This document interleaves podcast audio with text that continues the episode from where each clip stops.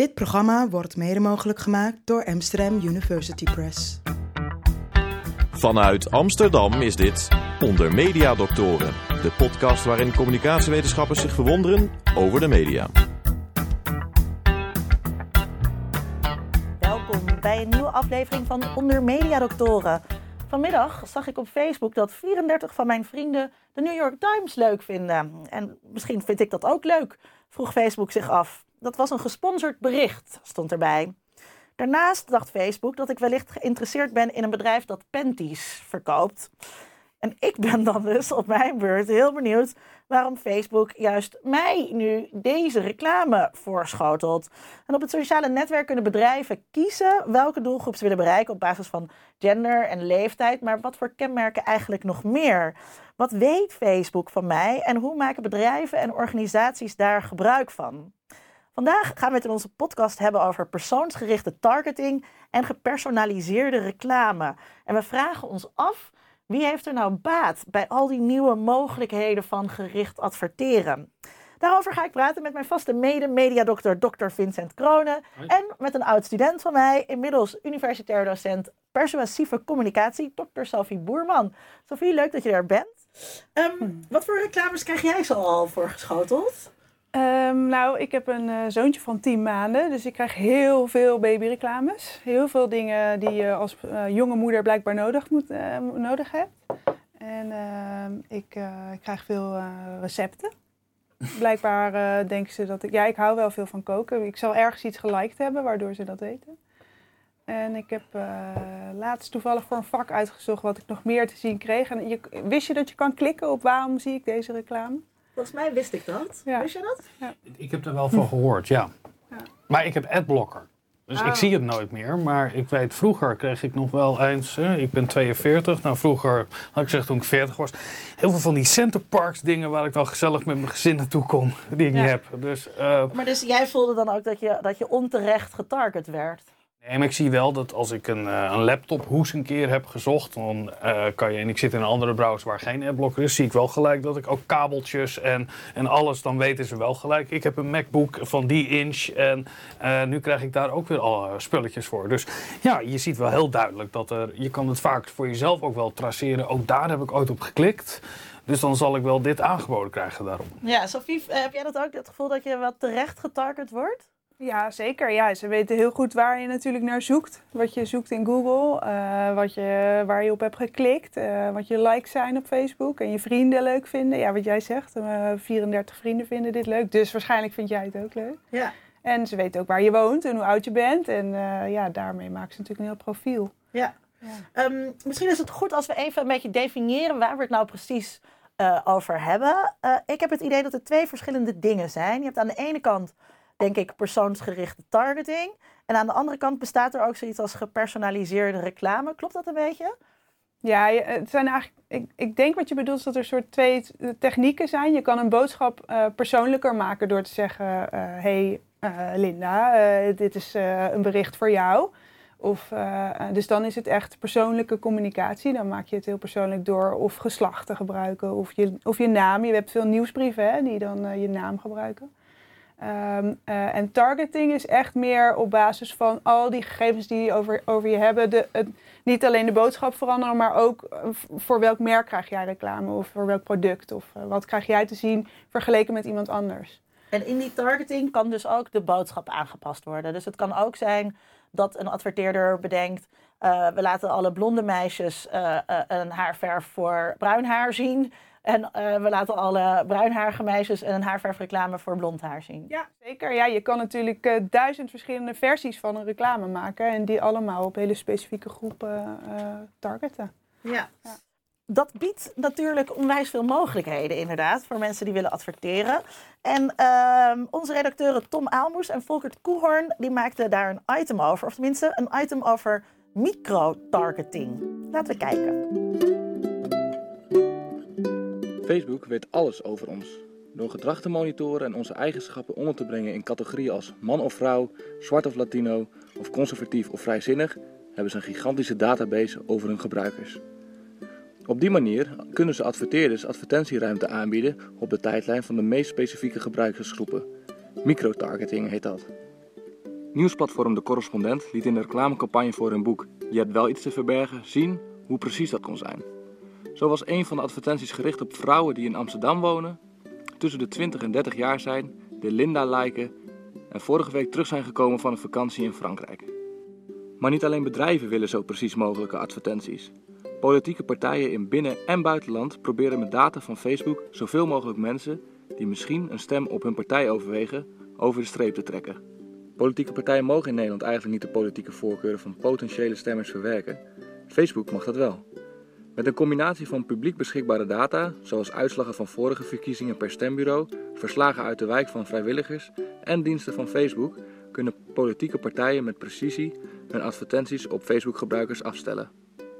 Zo vertelt een campagnemedewerker van GroenLinks dat als een Facebook-gebruiker voor meer dan 10 seconden een filmpje van die partij heeft gekeken, dat ze er dan vanuit kunnen gaan dat die gebruiker een bepaalde interesse in GroenLinks heeft.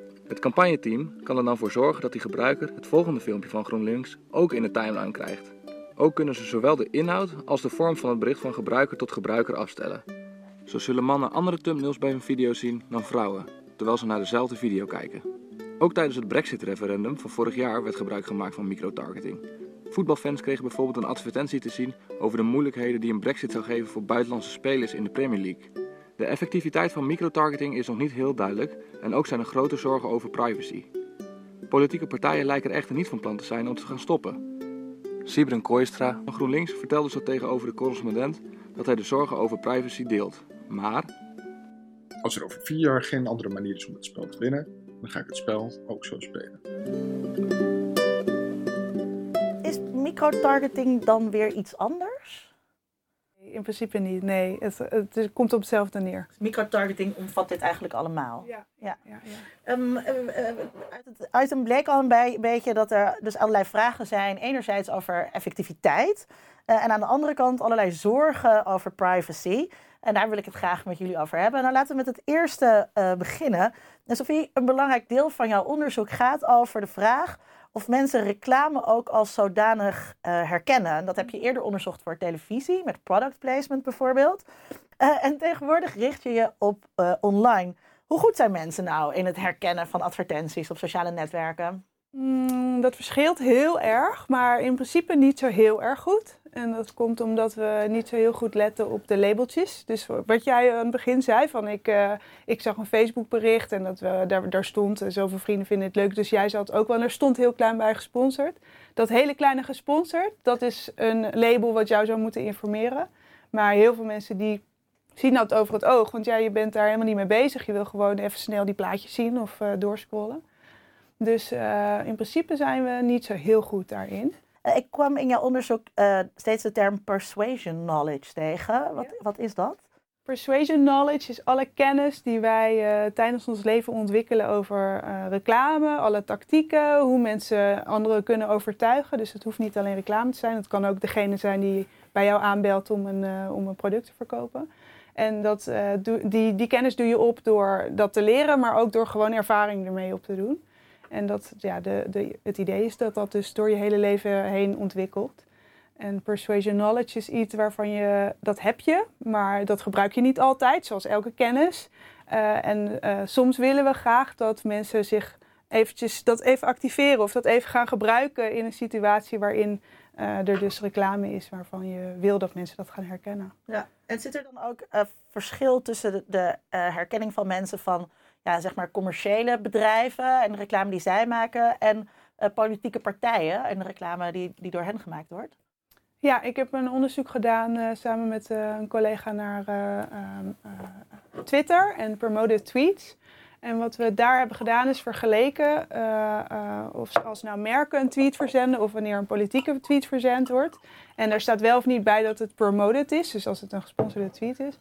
Dan eh, bij merken weten mensen eigenlijk bijna altijd wel dat het reclame is. Want een merk is zoiets duidelijks. Reclame is zo eh, verbonden met we willen iets verkopen aan je, een product, een service. Eh, dat mensen dat wel begrepen, maar politieke partijen, daar wordt het lastiger als er niks bij staat. Omdat een politieke partij kan ook een ander doel hebben. Dat wil niet altijd per se iets aan je verkopen. Die wil soms jou wel overtuigen om ergens voor te stemmen. Maar ja, nu zijn er verkiezingen geweest, dus nu kan het ook gewoon zijn dat Jesse Klaver met zijn video jou, jou over een bepaald onderwerp wil informeren of uh, nou ja, een bepaalde discussie wil aangaan. Dus daar, daardoor wordt het lastiger, doordat je andere verwachtingen eigenlijk hebt. Ja. Het is ook een interessante grens, hè? want reclame uh, wordt ook.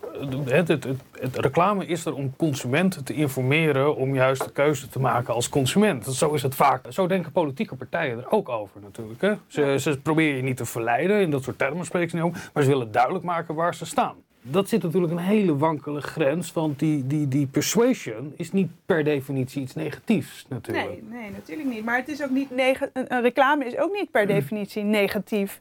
Uh, soms wil ik wel wel korting hebben of soms wil ik wel dat een bepaald product aan mij wordt aangeboden, omdat ik denk, hé, hey, ja, dat is eigenlijk hartstikke handig. Ja, er is natuurlijk de laatste tijd veel te doen geweest over vlogs, uh, beautyvloggers bijvoorbeeld. Het commissariaat voor de media heeft uh, inmiddels die vloggers uh, uh, goed op het oog, zeg maar. Maar ze zijn ook terughoudend in de regelgeving. Ze zeiden, ja, we moeten eerst wachten op Europese wetgeving. Wat vind jij ervan, Vincent? Als jij een dochter had gehad van uh, 12, had zomaar gekund. Als je dan naar vlogs kijkt van, die gericht zijn op 12, 13-jarige meisjes... waarin iemand beauty tips gaat geven en aan een tafel zit... waarin voor 15.000 euro aan, aan, aan make-upje staat... Ja. vind ik echt verachtelijk. Ik vind het verachtelijk dat je als bedrijf daaraan meedoet. Dat je een target audience hebt die uh, uh, nou ja, in, in, in, in die zin kwetsbaarder is of ontvankelijker is misschien wel voor dat soort boodschappen dan dat je dat voor volwassenen hebt. Ja, ja en dan, ik ben heel erg tegen strikte top-down regelgeving, maar hierin vind ik dat je hier wel echt palen en perken aan moet stellen. Misschien niet door wet, maar in ieder geval dat je de bedrijven erop aanspreekt dat je er hier niet aan meedoet. Maar er is een social media uh, code hè, over, over zulke dingen waarin dus duidelijk staat, als je het doet, maak het dan in ieder geval duidelijk. Ja. Ja, dat dus gebeurt zeker nog niet altijd. Uh, nou ja, over het algemeen wel hoor. Ik zie het steeds vaker gebeuren. Ja, maar ja, ja, ja, ja, Nou ja, het is dus interessant dat het commissariaat uh, uh, zei in afwachting van de Europese wetgeving. Um, moeten wij het aan de markt zelf laten en moeten zij met zelfregulering komen en hopen we dat die influencers zich op een bepaalde manier gaan gedragen. Terwijl dat dus eigenlijk, wat je ook zegt, dat is helemaal niet in, in het belang van die bedrijven uh, om dat te gaan doen. En dan kan je wel een soort ethisch appel doen. Maar het is maar de vraag inderdaad in hoeverre zij daar uh, um, ontvankelijk uh, voor, voor zijn. en ik vroeg me af, vinden mensen het eigenlijk leuker ook als een reclame nou specifiek bij hen past? Dat afstemmen van een reclame zou je ook kunnen zeggen. misschien is dat heel goed voor de consument. Ik vind het namelijk altijd heel vervelend als ik een reclame krijg die echt niet op mij gericht is. Ook op Facebook. Ik krijg vaak kinderboeken dingen die dan leuk voor mijn kinderen zouden moeten zijn, die ik niet heb. Um, weet je dat ook? Of mensen het leuker vinden als reclame gepersonaliseerd is? Ja, er, zijn wel uh, behoorlijk wat onderzoeken gedaan, waar uh, grotere surveys in Amerika en in Nederland over wat mensen nou vinden van gepersonaliseerde reclame op basis van al hun data online, van, op basis van cookies en dergelijke. Mm -hmm. En daar vind, vinden de meeste mensen elke keer weer dat ja, vinden het eigenlijk best wel prettig, want het maakt het veel relevanter. Aan de andere kant, het is een soort paradox eigenlijk. Dus we vinden het relevanter, maar we vinden het eigenlijk ook wel een beetje creepy. En het is ook wel een beetje engig en je hebt er weinig uh, controle over. Je bent een beetje kwetsbaar, want ze weten allerlei dingen over je. Of dus eigenlijk verkeerde informatie over je, want je hebt geen kinderen. Of, uh, dus um, uh, het is een hele gekke paradox, de personalisering. En uh, ja, dat wordt de personalisatieparadox genoemd. De personalisatieparadox. Ja, dat is precies wat ik heb elke week als het mailtje van Albert Heijn komt met mijn gepersonaliseerde bonusaanbiedingen. Uh, dat is een mooi bruggetje. Uh, want ik zei net al, er zijn inderdaad veel zorgen over privacy op dit gebied. En onze redacteuren Narien, Esmael en Sebastian van de Pol gingen daarom op bezoek bij Bits of Freedom, de digitale burgerrechtenorganisatie. Ik ben eh, David Korteweg, onderzoeker bij eh, Bits of Freedom. Eh, Bits of Freedom is een digitale, digitale burgerrechtenorganisatie. Ehm, je eerste vraag gaat inderdaad over wat weet Facebook nou eigenlijk van ons? Nou, Facebook weet heel veel. eigenlijk weet Facebook op verschillende manieren eigenlijk veel over jou. Kijk, de allereerste manier waarop zij natuurlijk de data verzamelen is gewoon via jouw profiel. En via wat jij allemaal deelt en liked op Facebook dat is denk ik ook wel wat veel mensen uh, weten. Die weten van oké, als ik op Facebook zit, dan zullen zij die data wel vergaren. Daarnaast verzamelt de Facebook ook heel veel uh, informatie via, ja, via een bepaalde technologie, eigenlijk via cookies of via de Facebook pixel, zoals ze dat noemen. Dat is een klein bestandje dat via allemaal andere websites die daar gebruik van maken, eh, op jouw computer wordt geplaatst, zodat, jou, eh, je, zodat jij herkend kan worden. En zo kan Facebook dus ook informatie verzamelen over de websites die je bezoekt, welke advertenties je daar krijgt te zien. Eh, dat is zeg maar ook een stroom van informatie die Facebook vergaart. En dan daarnaast uh, verzamelt Facebook ook nog eens via uh, zogenaamde datahandelaren. verzamelen ze ook nog informatie. dus zeg maar die techniek als zodanig. En ja, hoe lang kan je getracked worden? In principe kan het in theorie zeg maar oneindig. En zelfs al zou je een deel van die tracking technologie onschadelijk maken door wat cookies te verwijderen. Dan nog is het heel moeilijk om te voorkomen dat je toch niet gevolgd wordt. Bijvoorbeeld aan de hand van device fingerprinting. En ik kreeg altijd, ja, het is hartstikke fijn, die gepersonaliseerde advertenties, want die zijn specifiek op jou gericht. Ja, dat is op zich slim, uh, wordt dat slim gespeeld, want als je er goed over nadenkt, is het niet zozeer dat jij de advertenties te zien krijgt die jij per se wil zien, maar het zijn de advertenties die jij te zien krijgt die men wil dat jij ziet aan de hand van jouw uh, data. Dus de vraag is überhaupt of jij die echt heel graag wil zien, of dat men bijvoorbeeld, uh, omdat men in kaart heeft gebracht dat jij of men denkt dat jij heel erg honger hebt, jou opeens allemaal advertenties voor uh, fastfood laten zien om snel even wat te bestellen. De vraag is of dat nou per se ook in jouw belang is. Adverteren als zodanig, daar hebben wij als organisatie ook niet per se een, een, probleem mee. Het is eigenlijk veel meer de infrastructuur die eromheen is gebouwd. Het tracken van mensen, het, uh, uh, het, aan, het zeg maar, onthouden van bepaald aanbod voor, aan bepaalde groepen je hoort ook verhalen over dat er prijsdiscriminatie plaatsvindt. Dat aan de hand van profielen de een andere prijzen krijgt te zien dan de andere.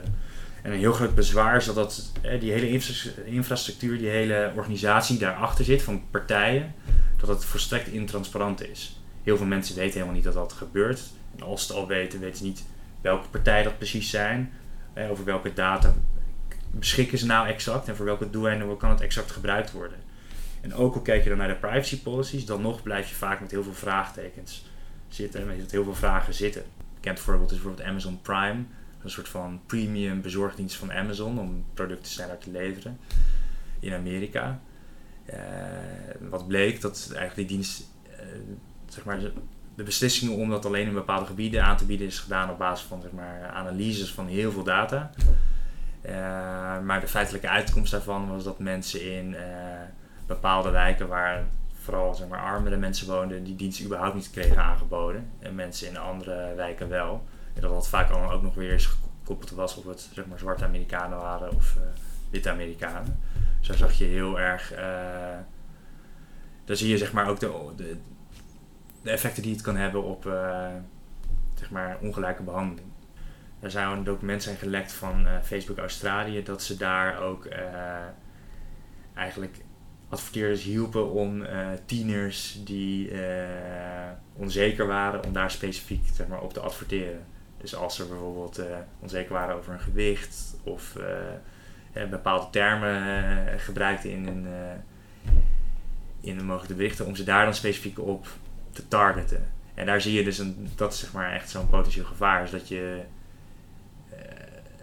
zeg maar, Facebook is in die zin heel machtig, die weet ontzettend veel over ons, waarschijnlijk meer dan wij zelf weten. En dat kan natuurlijk, uh, ja, zo kan je dus ook in die zin gemanipuleerd worden. Ja, uh, wat weet Facebook allemaal? Uh, kan je als chocoladeverkoper dan bijvoorbeeld ook reclame voorleggen aan depressieve meisjes die ongesteld moeten worden? Kan je zo specifiek targeten?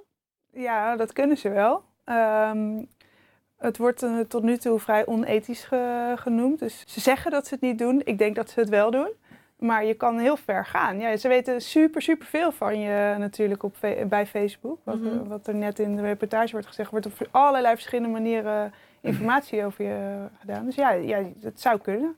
Ja. ja. Eh, eh, weet je ook hoe zo'n. Um, hoe bedrijven daar nou gebruik van maken? Hoe, zo, hoe ziet zo'n interface precies uit? Waar kan je allemaal uh, uit kiezen? Stel dat ik chocoladeverkoper zou zijn. Uh, ik heb dat zelf nog nooit gedaan. Want ik ben natuurlijk de wetenschapper achter het uh, hele ding. Ik ben niet de adverteerder. Maar ik weet wel dat, wat ik dus zei, als je als, je als consument klikt van waarom, waarom zie ik deze reclame, want dat kan altijd in Facebook. In je timeline kan je aanvinken, ik wil weten waarom ik deze reclame zie. Dan staan er altijd dingen als, omdat je tussen de 18 en de 34 bent en in Amsterdam woont Nou, dat lijkt me vrij logische dingen. Maar Ja. wat er dan bijvoorbeeld ook bij staat, en dat vond ik laatst wel heel interessant, is dat er eh, bij stond: eh, we geven je dit schoenenmerk omdat eh, wij weten dat je geïnteresseerd bent in, het, in dit andere schoenenmerk, wat in hetzelfde categorietje hoort.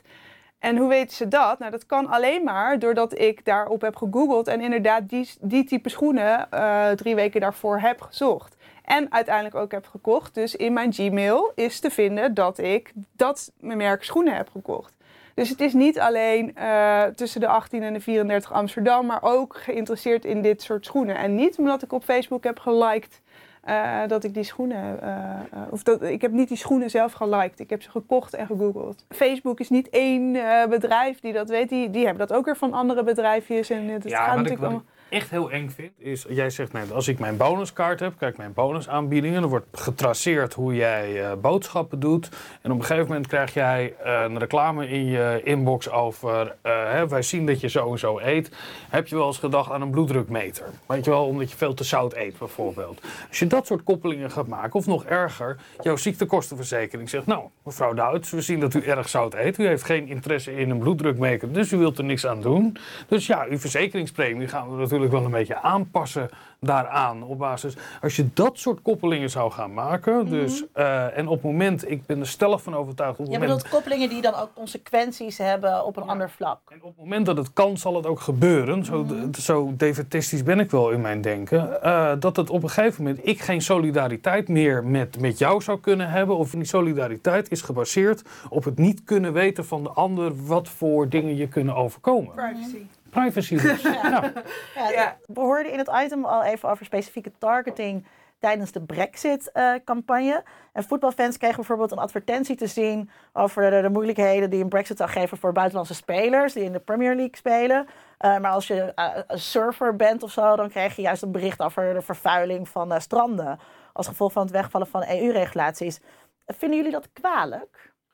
Nee, ik vind dat een hele mooie manier van informeren. Dat je de boodschap brengt bij die mensen die met een bepaalde vraag zitten. Wat betekent dat voor mij? Ik vind dat zeker in een politiek proces, zeker bij verkiezingen, denk ik dat het een enorme winst kan zijn. Juist als je kan laten zien van, nou ja, wat zijn de opties? Dit zijn de partijen die voor jou kunnen laten zien wat het betekent. Ik, ik ben er altijd versteld over.